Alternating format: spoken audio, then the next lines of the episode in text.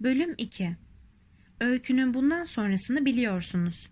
Bir tren tuvaletine kapanmış olan ben, bunca olayın, bunca kısa sürede sakin yaşantımı alt üst etmiş olmasına inanamayarak aynada kendime bakıp duruyordum. Düşündükçe olup bitenler bana daha da tuhaf görünüyordu.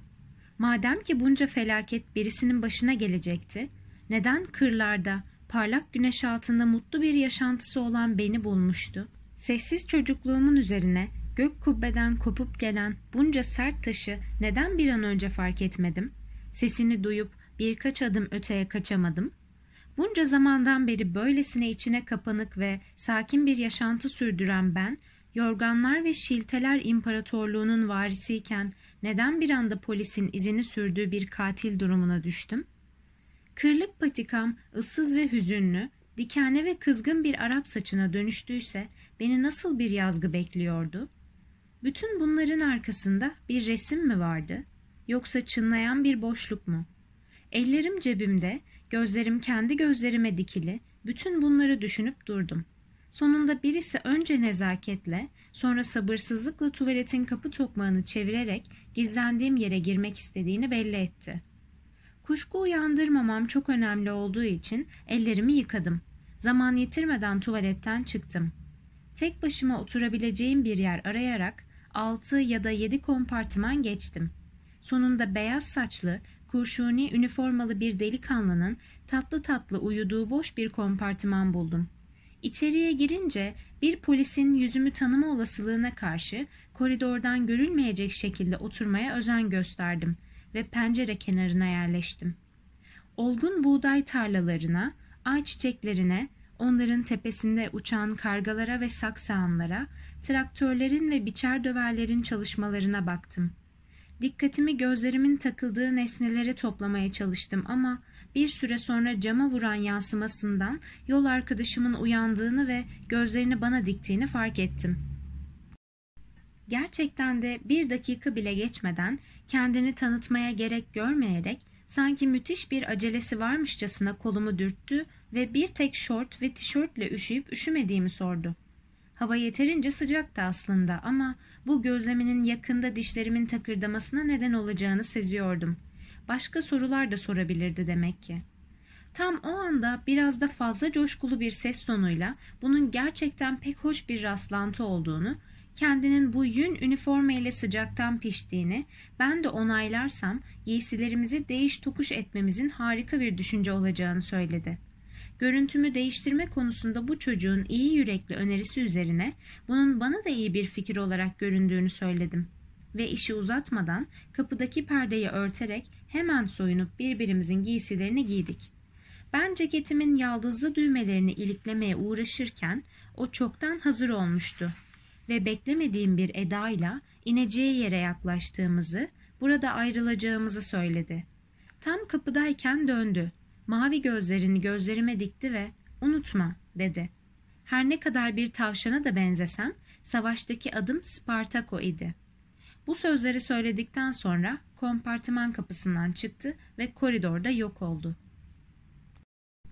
Yalnız başıma kalınca ilk iş olarak bu trenin beni nereye götürdüğünü öğrenmem gerektiğini düşündüm. Bu arada bu kaçışımın bölük pörçük ve amaçsız hareketlerden oluşmaması için hedefimi baştan belirlemem gerektiğine karar vermiştim. Elbette hedefim her şeyin mümkün sayıldığı ülkede yani Amerika'da bulunan Isakko amcanın imparatorluğundan başka bir yer değildi. Yerimi saptamak için bir yolcuyu ya da daha beteri kontrolörü sorgulamak doğru olmayacağından sorunu çözmek için ilk durakta inmeye perondaki tabelayı ya da trenin üzerine takılı levhayı okumaya ve işime yarıyorsa trene yeniden atlamaya karar verdim. Planımı gerçekleştirmek için fazla beklememe gerek kalmadı. Yarım saat sonra tren oflaya puflaya yavaşladı, yavaşladı ve sonra yorgun bir tırtıl gibi istasyonun çatısı altına girdi. Yolcular birer birer inerlerken peronda dolaşan bir polis olup olmadığını anlamak için pencereden dışarıya baktım. Yolcularla birkaç hamaldan başka kimse olmadığını anlayınca kompartımandan çıkmaya karar verdim. Şans eseri bir sonraki vagonun üzerine takılı bir levha olduğunu gördüm ve okuyunca trenimin başkente gittiğini anladım. Bu tren bana çok uygundu çünkü başkente kapağı atarsam oradan bir uçağa atlayıp Amerika'nın yolunu tutmak için bin bir olasılık bulacağımı tahmin ediyordum. Bu düşünce beni rahatlattığından ellerimi ceplerime sokup ıslık çalmaya başladım.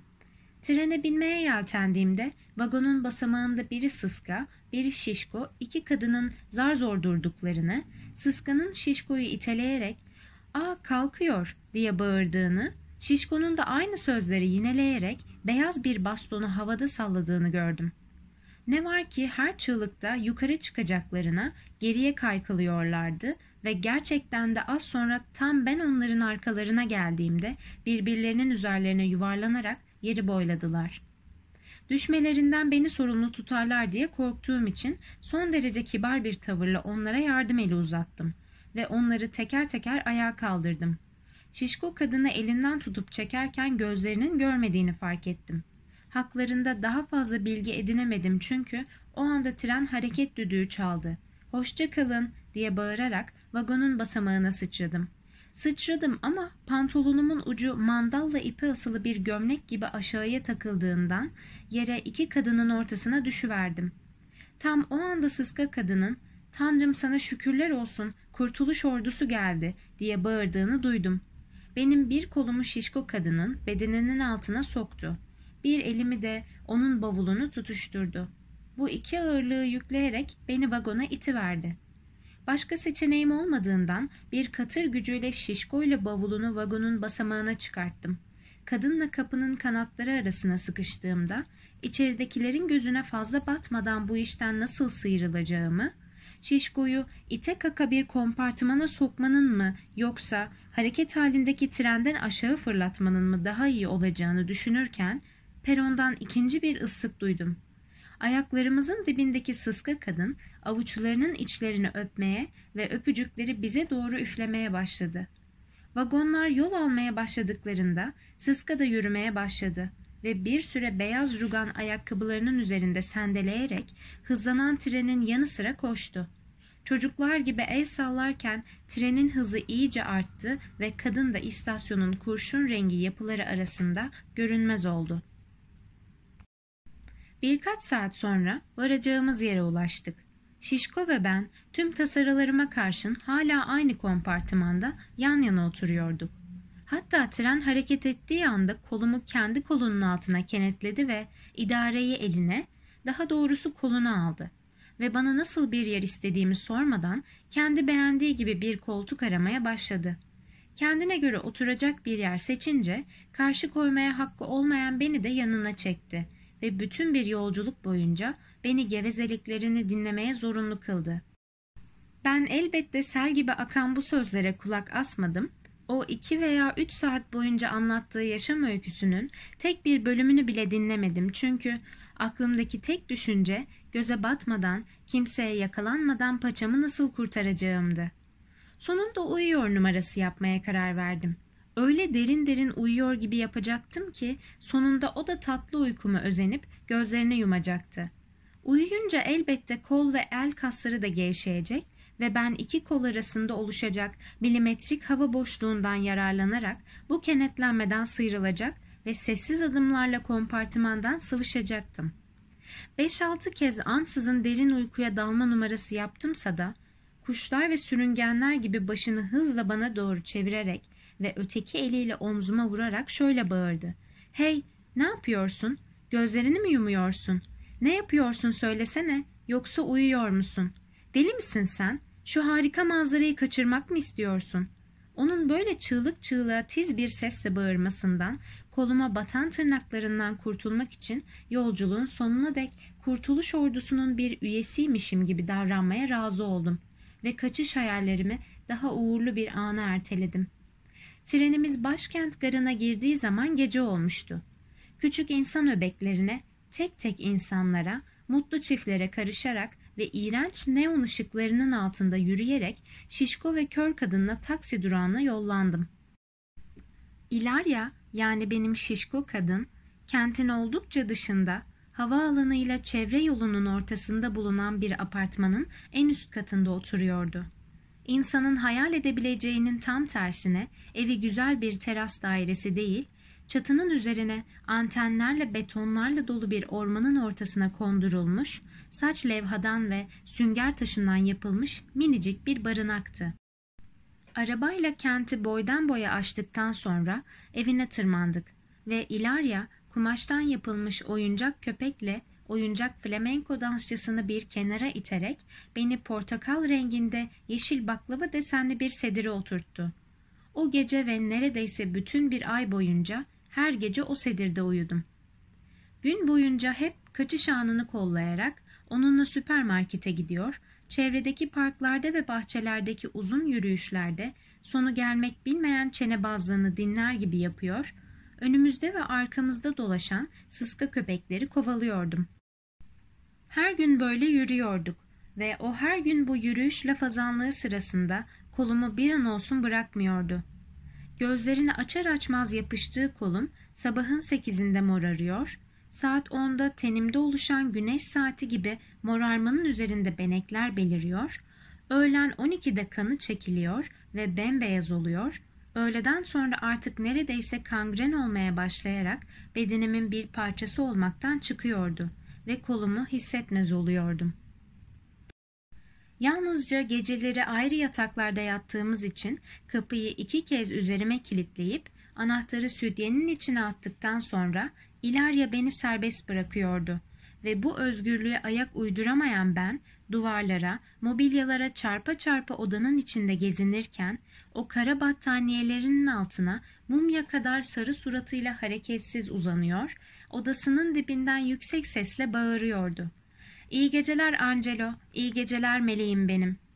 Beni bu Göksel adlı çağırmasının nedeni gözlerinin görmemesi ve ona ilk gün saçlarımla adımın aynı renkte olduğunu söylememdi. Aslında adım Ruben idi.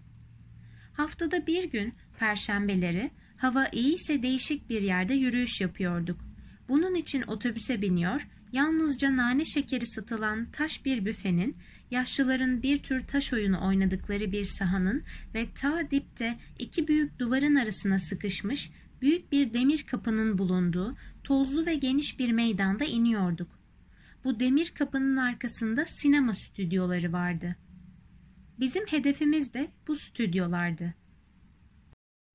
Bekçi genellikle camla çevrili gişenin eşiğinde bizi bekliyor oluyordu. Ayakta, gülümsemeden ve kolunun altında kalın ciltli bir defter tutarak bize bakıyordu. Yanına varınca sessiz bir selamlaşmadan sonra kapının hemen önüne iki plastik iskemle çıkartıyordu. İlarya ile o ayaklarını uzatıp başlarını geriye atıyorlar ve dev bir sinema perdesi varmışçasına tozlu ve geniş meydanı seyretmeye başlıyorlardı. Sonra bu pozisyonda çene çalmaya koyuluyorlardı. Saatlerce ve aralıksız konuşuyorlar. Bekçinin varlığı yüzünden kaçma fırsatı olmayan ben arkalarında dikilip duruyordum. Söylemeye gerek yok. Anlat bakalım 5 nasıl bitti ya da 22'de yeni bir şey var mı? Kadife 50 katil döndü mü? diyerek konuşmayı her zaman İlarya başlatıyordu. Bu sayılar film çekim salonlarına aitti ve onun inatla öğrenmeye çalıştığı şey geçen hafta çekilen filmin nasıl bittiği oluyordu. Yeni bir film çekiminin başlayıp başlamadığını ya da hoşlandığı bir filmin ikinci bölümünün çekilip çekilmeyeceğini öğrenmek istiyordu. Bunun üzerine bekçi elinde tuttuğu ve sahne dekorlarının, özel efektlerin, aktör ve dublör sayılarının salon salon kayıt edildiği koca defterini açıyor, beşinci salonun notlarına bakıyor ve sonunda ağzından çıkan her iki sözcük arasında uzun uzun molalar vererek şöyle diyordu. Beşteki esmere bir tabanca getirdiler. Kan efekti de var. Bekçinin bütün bunları söylerken son derece dikkatli ve temkinli davranmaya çalışmasına karşın İlarya her keresinde sandalyesinde zıplıyor. Aman tanrım gerçekten o mu? Bu olamaz. Tanrım iyi ama kadın ölüyor mu öldürüyor mu? Sorunun yanıtı gene büyük defterde kayıtlıydı. Ertesi gün esmer kadın rolünde oynayan sanatçı stüdyoya çağrılmamışsa öldürülenin o olduğunu anlıyorduk. Ölmekle kalmamış, gömülmüştü bile. Bütün bir öğleden sonrayı böyle geçiriyorduk işte. Bekçi çalışma defterini okuyor, ipuçlarından sonuçlara ulaşıyor, İlarya iki cümle arasında sessizliğini koruyor, belleğinin derinliklerinde başka filmlerden ya da önceki çekimlerden yeni ipuçları yakalamaya çalışıyordu. Böyle böyle stüdyoda çekilmekte olan filmin konusunu yeni baştan yaratıyordu.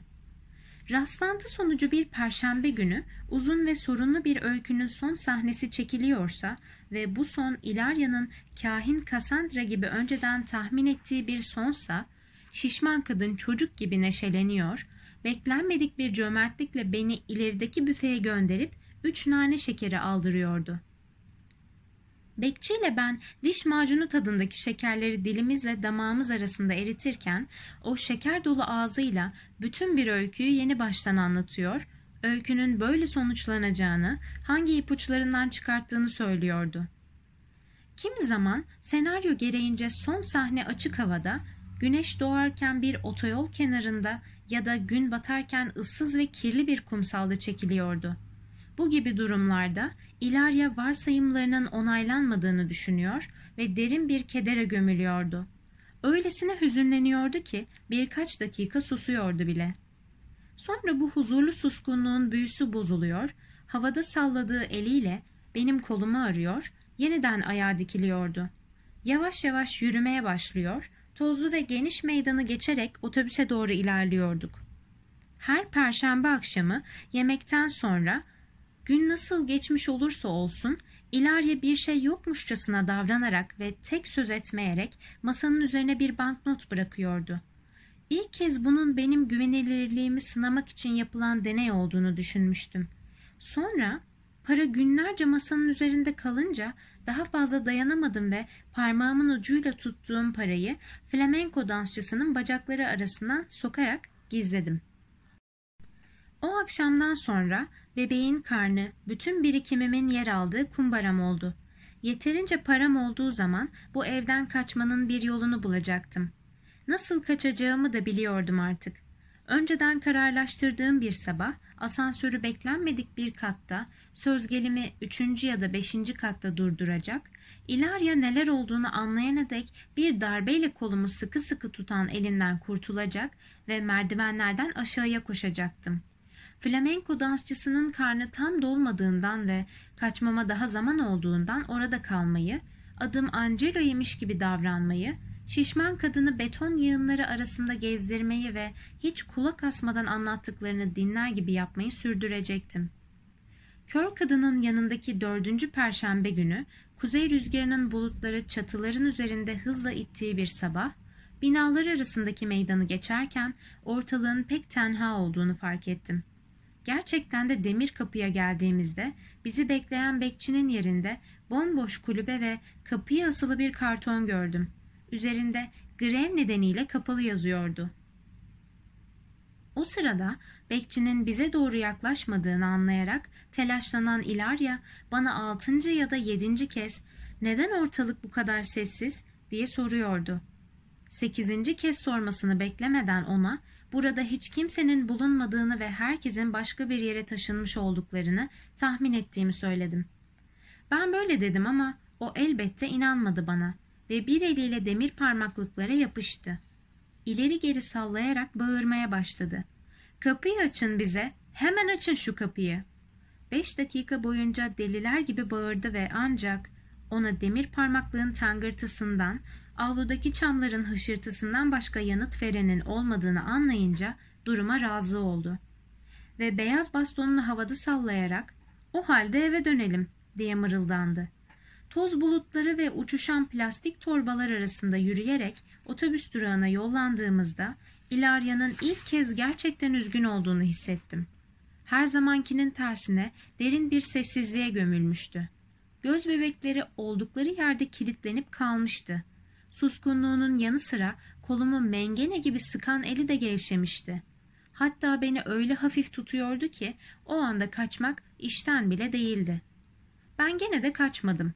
Eve döner dönmez İlarya'nın bu hüzünle terastaki şezlonga uzanacağını, yapının çevresinde uçan jetleri saymaya başlayarak beni ve haftalığımı unutacağını düşündüm. Bu üzüntüyü giderecek bir çare bulamazsam bu akşam flamenko dansçısının bacakları arasına daldıracak param olmayabilirdi.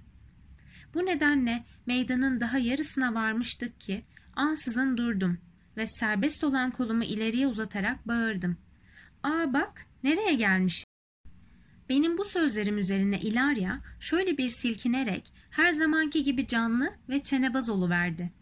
Kim, ne, kim nerede diye bağırıyor, başını öne eğip burun deliklerini oynatarak ben açıklamadan neler olduğunu kavramaya uğraşıyordu.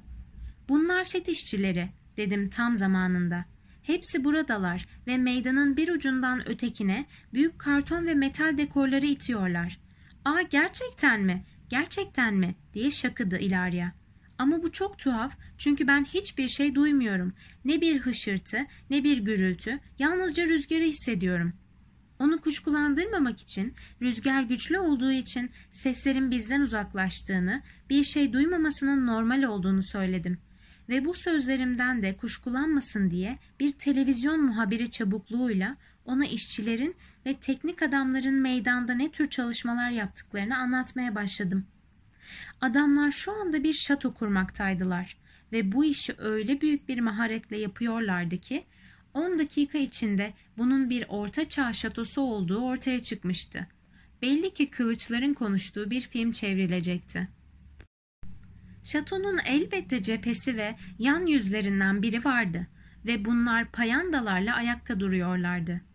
Onların arkasından her boyda piramit biçiminde kuleler ya da soğan biçiminde burçlar yükseliyordu ve her birinin tepesine bir rüzgar gülü takılmıştı. Madeni olanların kimi rüzgar gülüne, kimi rüzgar horozuna benziyordu. Bazı direklerde ise kırmızı ve mavi ipekten sancaklar takılıydı. Sancaklarla fırıldaklar hep birlikte uçup dönerlerken aşağıda işçiler başka bir işe başlamışlardı bile. Büyük kürekler ve kazmalarla şatonun cephesinin çevresine derin bir hendek kazıyorlardı. Beş dakika dolmadan hendek kazma işi de sona ermişti. Pompalar ve tankerler yardımıyla hendeğe sarımsı ve bulanık bir su doldurdular.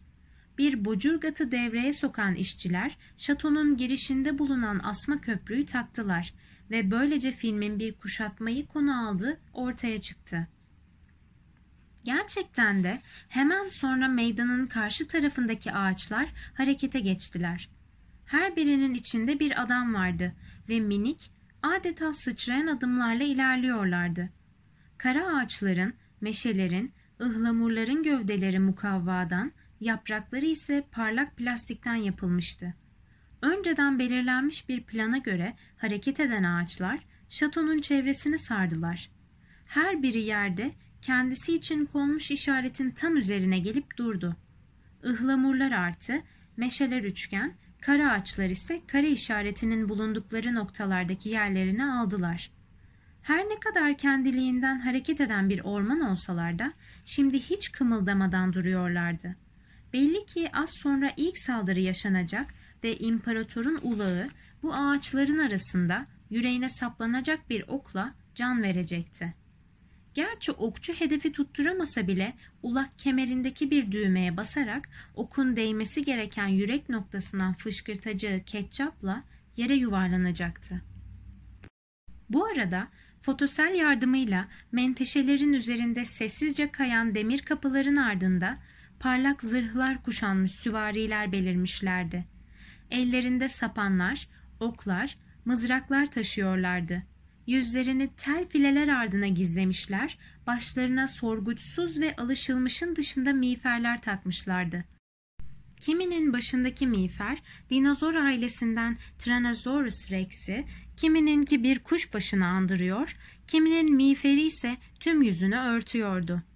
Süvariler demir parmaklıkların dışında kalmışlardı hareketsiz oldukları söylenemezdi çünkü sabırsızlanan atlar ayaklarıyla toprağı eşeliyor, başlarını sağdan sola sallıyor, iskeletler gibi uzun parmaklı ellerine çelik eldivenler takmış olan binicileri ise onları dizginlemeye çalışıyorlardı. İşte artık eylem için hazırlanmışlar, beklemeye başlamışlardı. Hareketli ağaçlar ve silahlı askerler bir köşede, işçiler, teknik adamlar bir başka gölgelik köşede, koyu renk camları olan bir büyük otomobilin ortaya çıkıp içindeki kişinin tek bir işaretle şatoya saldırmalarını emretmesini bekliyorlardı. Ne var ki ansızın ortaya çıkan filmin yönetmeni değil, meydandan yükselen kumlu toz oldu. Önce yavaş yavaş esen bir rüzgar giderek şiddetlendi ve tozlar donuk bulutlara dönüşerek hiçbir buyruğu beklemeksizin tüm ıhlamurları, kara ağaçları, atların yelelerini, dinozor görünüşlü miğferleri sarmalayıverdi. Az önce pırıl pırıl olan gökyüzünde şimdi yalnızca sancaklar ve bayraklar dalgalanıyordu ve tozlar gelin duvağının tülü gibi İlarya ile beni sarıp sarmalayınca yönetmenin sahnenin dibinde kolunu havaya kaldırdığını gördüğümü söyleyiverdim. Bu hareketin tek anlamı görüntünün net olmaması nedeniyle yönetmenin çalışmayı bugünlük kesmesi olabilirdi bence. Bu sözlerim üzerine o ana dek sessiz ve hareketsiz olan İlarya sanki bir düşten uyanırmış gibi kendine geldi ve pek cılız bir sesle ''İyi ama neden yarıda kesiyorlar?'' diye sordu. ''Yoksa çalışmalar temelli bitti mi?'' Bunun üzerine ona kısaca ansızın çıkan rüzgarın kaldırdığı toz yüzünden film çekimine ara verildiğini, yarın sabah elbette yeniden burada olacaklarını açıkladım. Eve dönünce İlarya buzdolabından bir şeyler atıştırdıktan sonra masanın üzerine tropikal bir kelebek kadar büyük bir para bıraktı. Telefonu eline alıp odasına çekildi. Kapıyı kapar kapamaz her zaman yaptığım gibi paramı aldım. Dürdüm ve flamenko dansçısının karnına yerleştirdim. O anda az önce edinmiş olduğum paranın bol sıfırlı olması nedeniyle Amerika'ya ulaşmama bir aydan daha az zaman kaldığına inanıverdim. Oysa o pek renkli ve gösterişli para İlarya'dan aldığım en bol sıfırlı para olmakla kalmayıp en sonuncu da oldu. Şato sahnesinin ertesi sabahı şişman ve kör kadın beni daha güneş doğmadan uyandırdı ve sahanlıkta volta atmaya başladı. Çıkmak için hazır olduğunu ve pek acele ettiğini anlamıştım. Kendi kendime bu telaşının nedenini sorarken ceketimi sırtıma geçirdim ve yüzümü bile yıkamadan onun peşine takıldım. Asansörle inerken ikimiz de balık kadar sessizdik. Ben zaten ayakta uyumaya devam ediyordum.'' Apartmanın avlusuna indiğimizde beni çeke çeke otobüs durağına sürüklerken sabırsızlığının nedeninin dünkü şato kuşatmasının nasıl sonuçlandığını öğrenmek arzusu olduğunu anlamıştım. Bir süre sonra otobüsün ön koltuklarına oturmuş tozlu ve büyük meydana doğru ilerlerken ben bu filmin nasıl gelişebileceğine ilişkin değişik düşünceler üretmeye başladım.'' Çünkü anlaşılan bir hafta kadar bir süre boyunca ben öykünün yeni sahnelerini İlarya'ya aktarmak zorunda kalacaktım. Bu planın aksayabilecek tek olası yanı rüzgarın ansızın kesilmesi olacaktı. Bu durumda kulakları bir yarasa kadar keskin olan İlarya hiçbir ses ve gürültü duymadığından benim anlattıklarımdan kuşkulanacaktı. Bu düşünceyle tedirgin oldum ve başımı pencereden dışarıya uzattım. Sıcak ve yağlı bir rüzgar yüzümü yalayınca mutlu oldum ve yeniden yerimize oturdum. Tam o anda otobüs meydana uzanan ıssız yola saptı. İlarya bana dönerek çabuk olalım herkes bizi bekliyordur dedi. Ben de hiç bozuntuya vermeden onu yanıtladım. Çekim ekibi güneş doğmadan gelmez ve ama sözlerimi yutmak zorunda kaldım. Çünkü boş olacağını sandığım meydan gerçekten de bir eğlence merkezi gibi insan doluydu. Üstelik orada bulunan yüzlerce kişi körlerden ve onlara yol gösteren yardımcılarından oluşuyordu. Körlerin bazılarına bir labrador ya da çoban köpeği eşlik ediyordu. Bazıları açılır kapanır tabureler, daha sıcak saatler için güneş şemsiyeleri ve termos çantaları getirmişlerdi. Tümünün yüzü meydanın merkezine dönüktü. Kollarını kavuşturmuşlar, hareketsiz bekliyorlardı. İlarya bana Bunlar benim arkadaşlarım. Gösteriyi anlatmanı dinlemeye geldiler. Deyince sonumun geldiğini, yarım saat sonra herkesin numaramı anlayacağını düşündüm. Eşlikçi kişiler ortada film çekimi olmadığını görecekler, önlerinde yalnızca boş ve tozlu bir meydanın uzandığını, boşu boşuna güneş doğmadan uyanıp buralara gelmiş olduklarını köylere söyleyeceklerdi. Bunun üzerine kızgınlık seline kapılacak olan insanlar üzerime yürüyecekler, körler bastonlarını sallayarak şemsiyelerini ve taburelerini başıma fırlatacaklar, köpeklerini üzerime salacaklardı ve ben hiçbir yere kaçamayacaktım. Sığınabileceğim tek yer şu anda kapalı olan büfeydi ve zaten açık olsa da pek işe yaramazdı. Çünkü bastonlar ve çivili sopalarla beni orada da sıkıştırırlardı. Otobüsün kapıları açılır açılmaz İlarya ilk basamağa indi. Elini havaya kaldırarak meydandaki arkadaşlarını selamlarken öteki elini biraz gevşetti. Ben de bundan yararlanarak dirseğimi ondan kurtardım ve bir sıçrayışla otobüsten atlayıverdim. Yere değdiğim anda imdat diye bağıran bir ses duydum ve hiç zaman yitirmeden bir koşu tutturdum. Kollarımı ileri geri sallayarak dizlerimi neredeyse çeneme değdirerek tozlar arasında beni kovalayan köpeklerden canımı kurtarmak için bir ceylan gibi koşuyordum. Soluk soluğa, rüzgara karşı zorlanarak koşuyordum ve bu koşunun asla bitmeyeceğini sanıyordum. Ensemde labradorların ve çoban köpeklerinin soluğunu hissederken kulaklarımda hayvanların, köylerin eşlikçilerinin bağırışları çınlıyordu. Gözlerimin önünde beliren sahnede ben boylu boyunca yere uzanmış, değneklerle dövülmekteyken meydanın bir ucundan yaklaşan kamyonu görerek umutlanıyordum. Kamyonun beni kurtaracağını tahmin ediyor, yumruklarımı ve dişlerimi sıkarak yeniden koşmaya başlıyordum. Ulaşır ulaşmaz bir sıçrayışta aracın arkasına atlıyor, canımı kurtarıyordum.''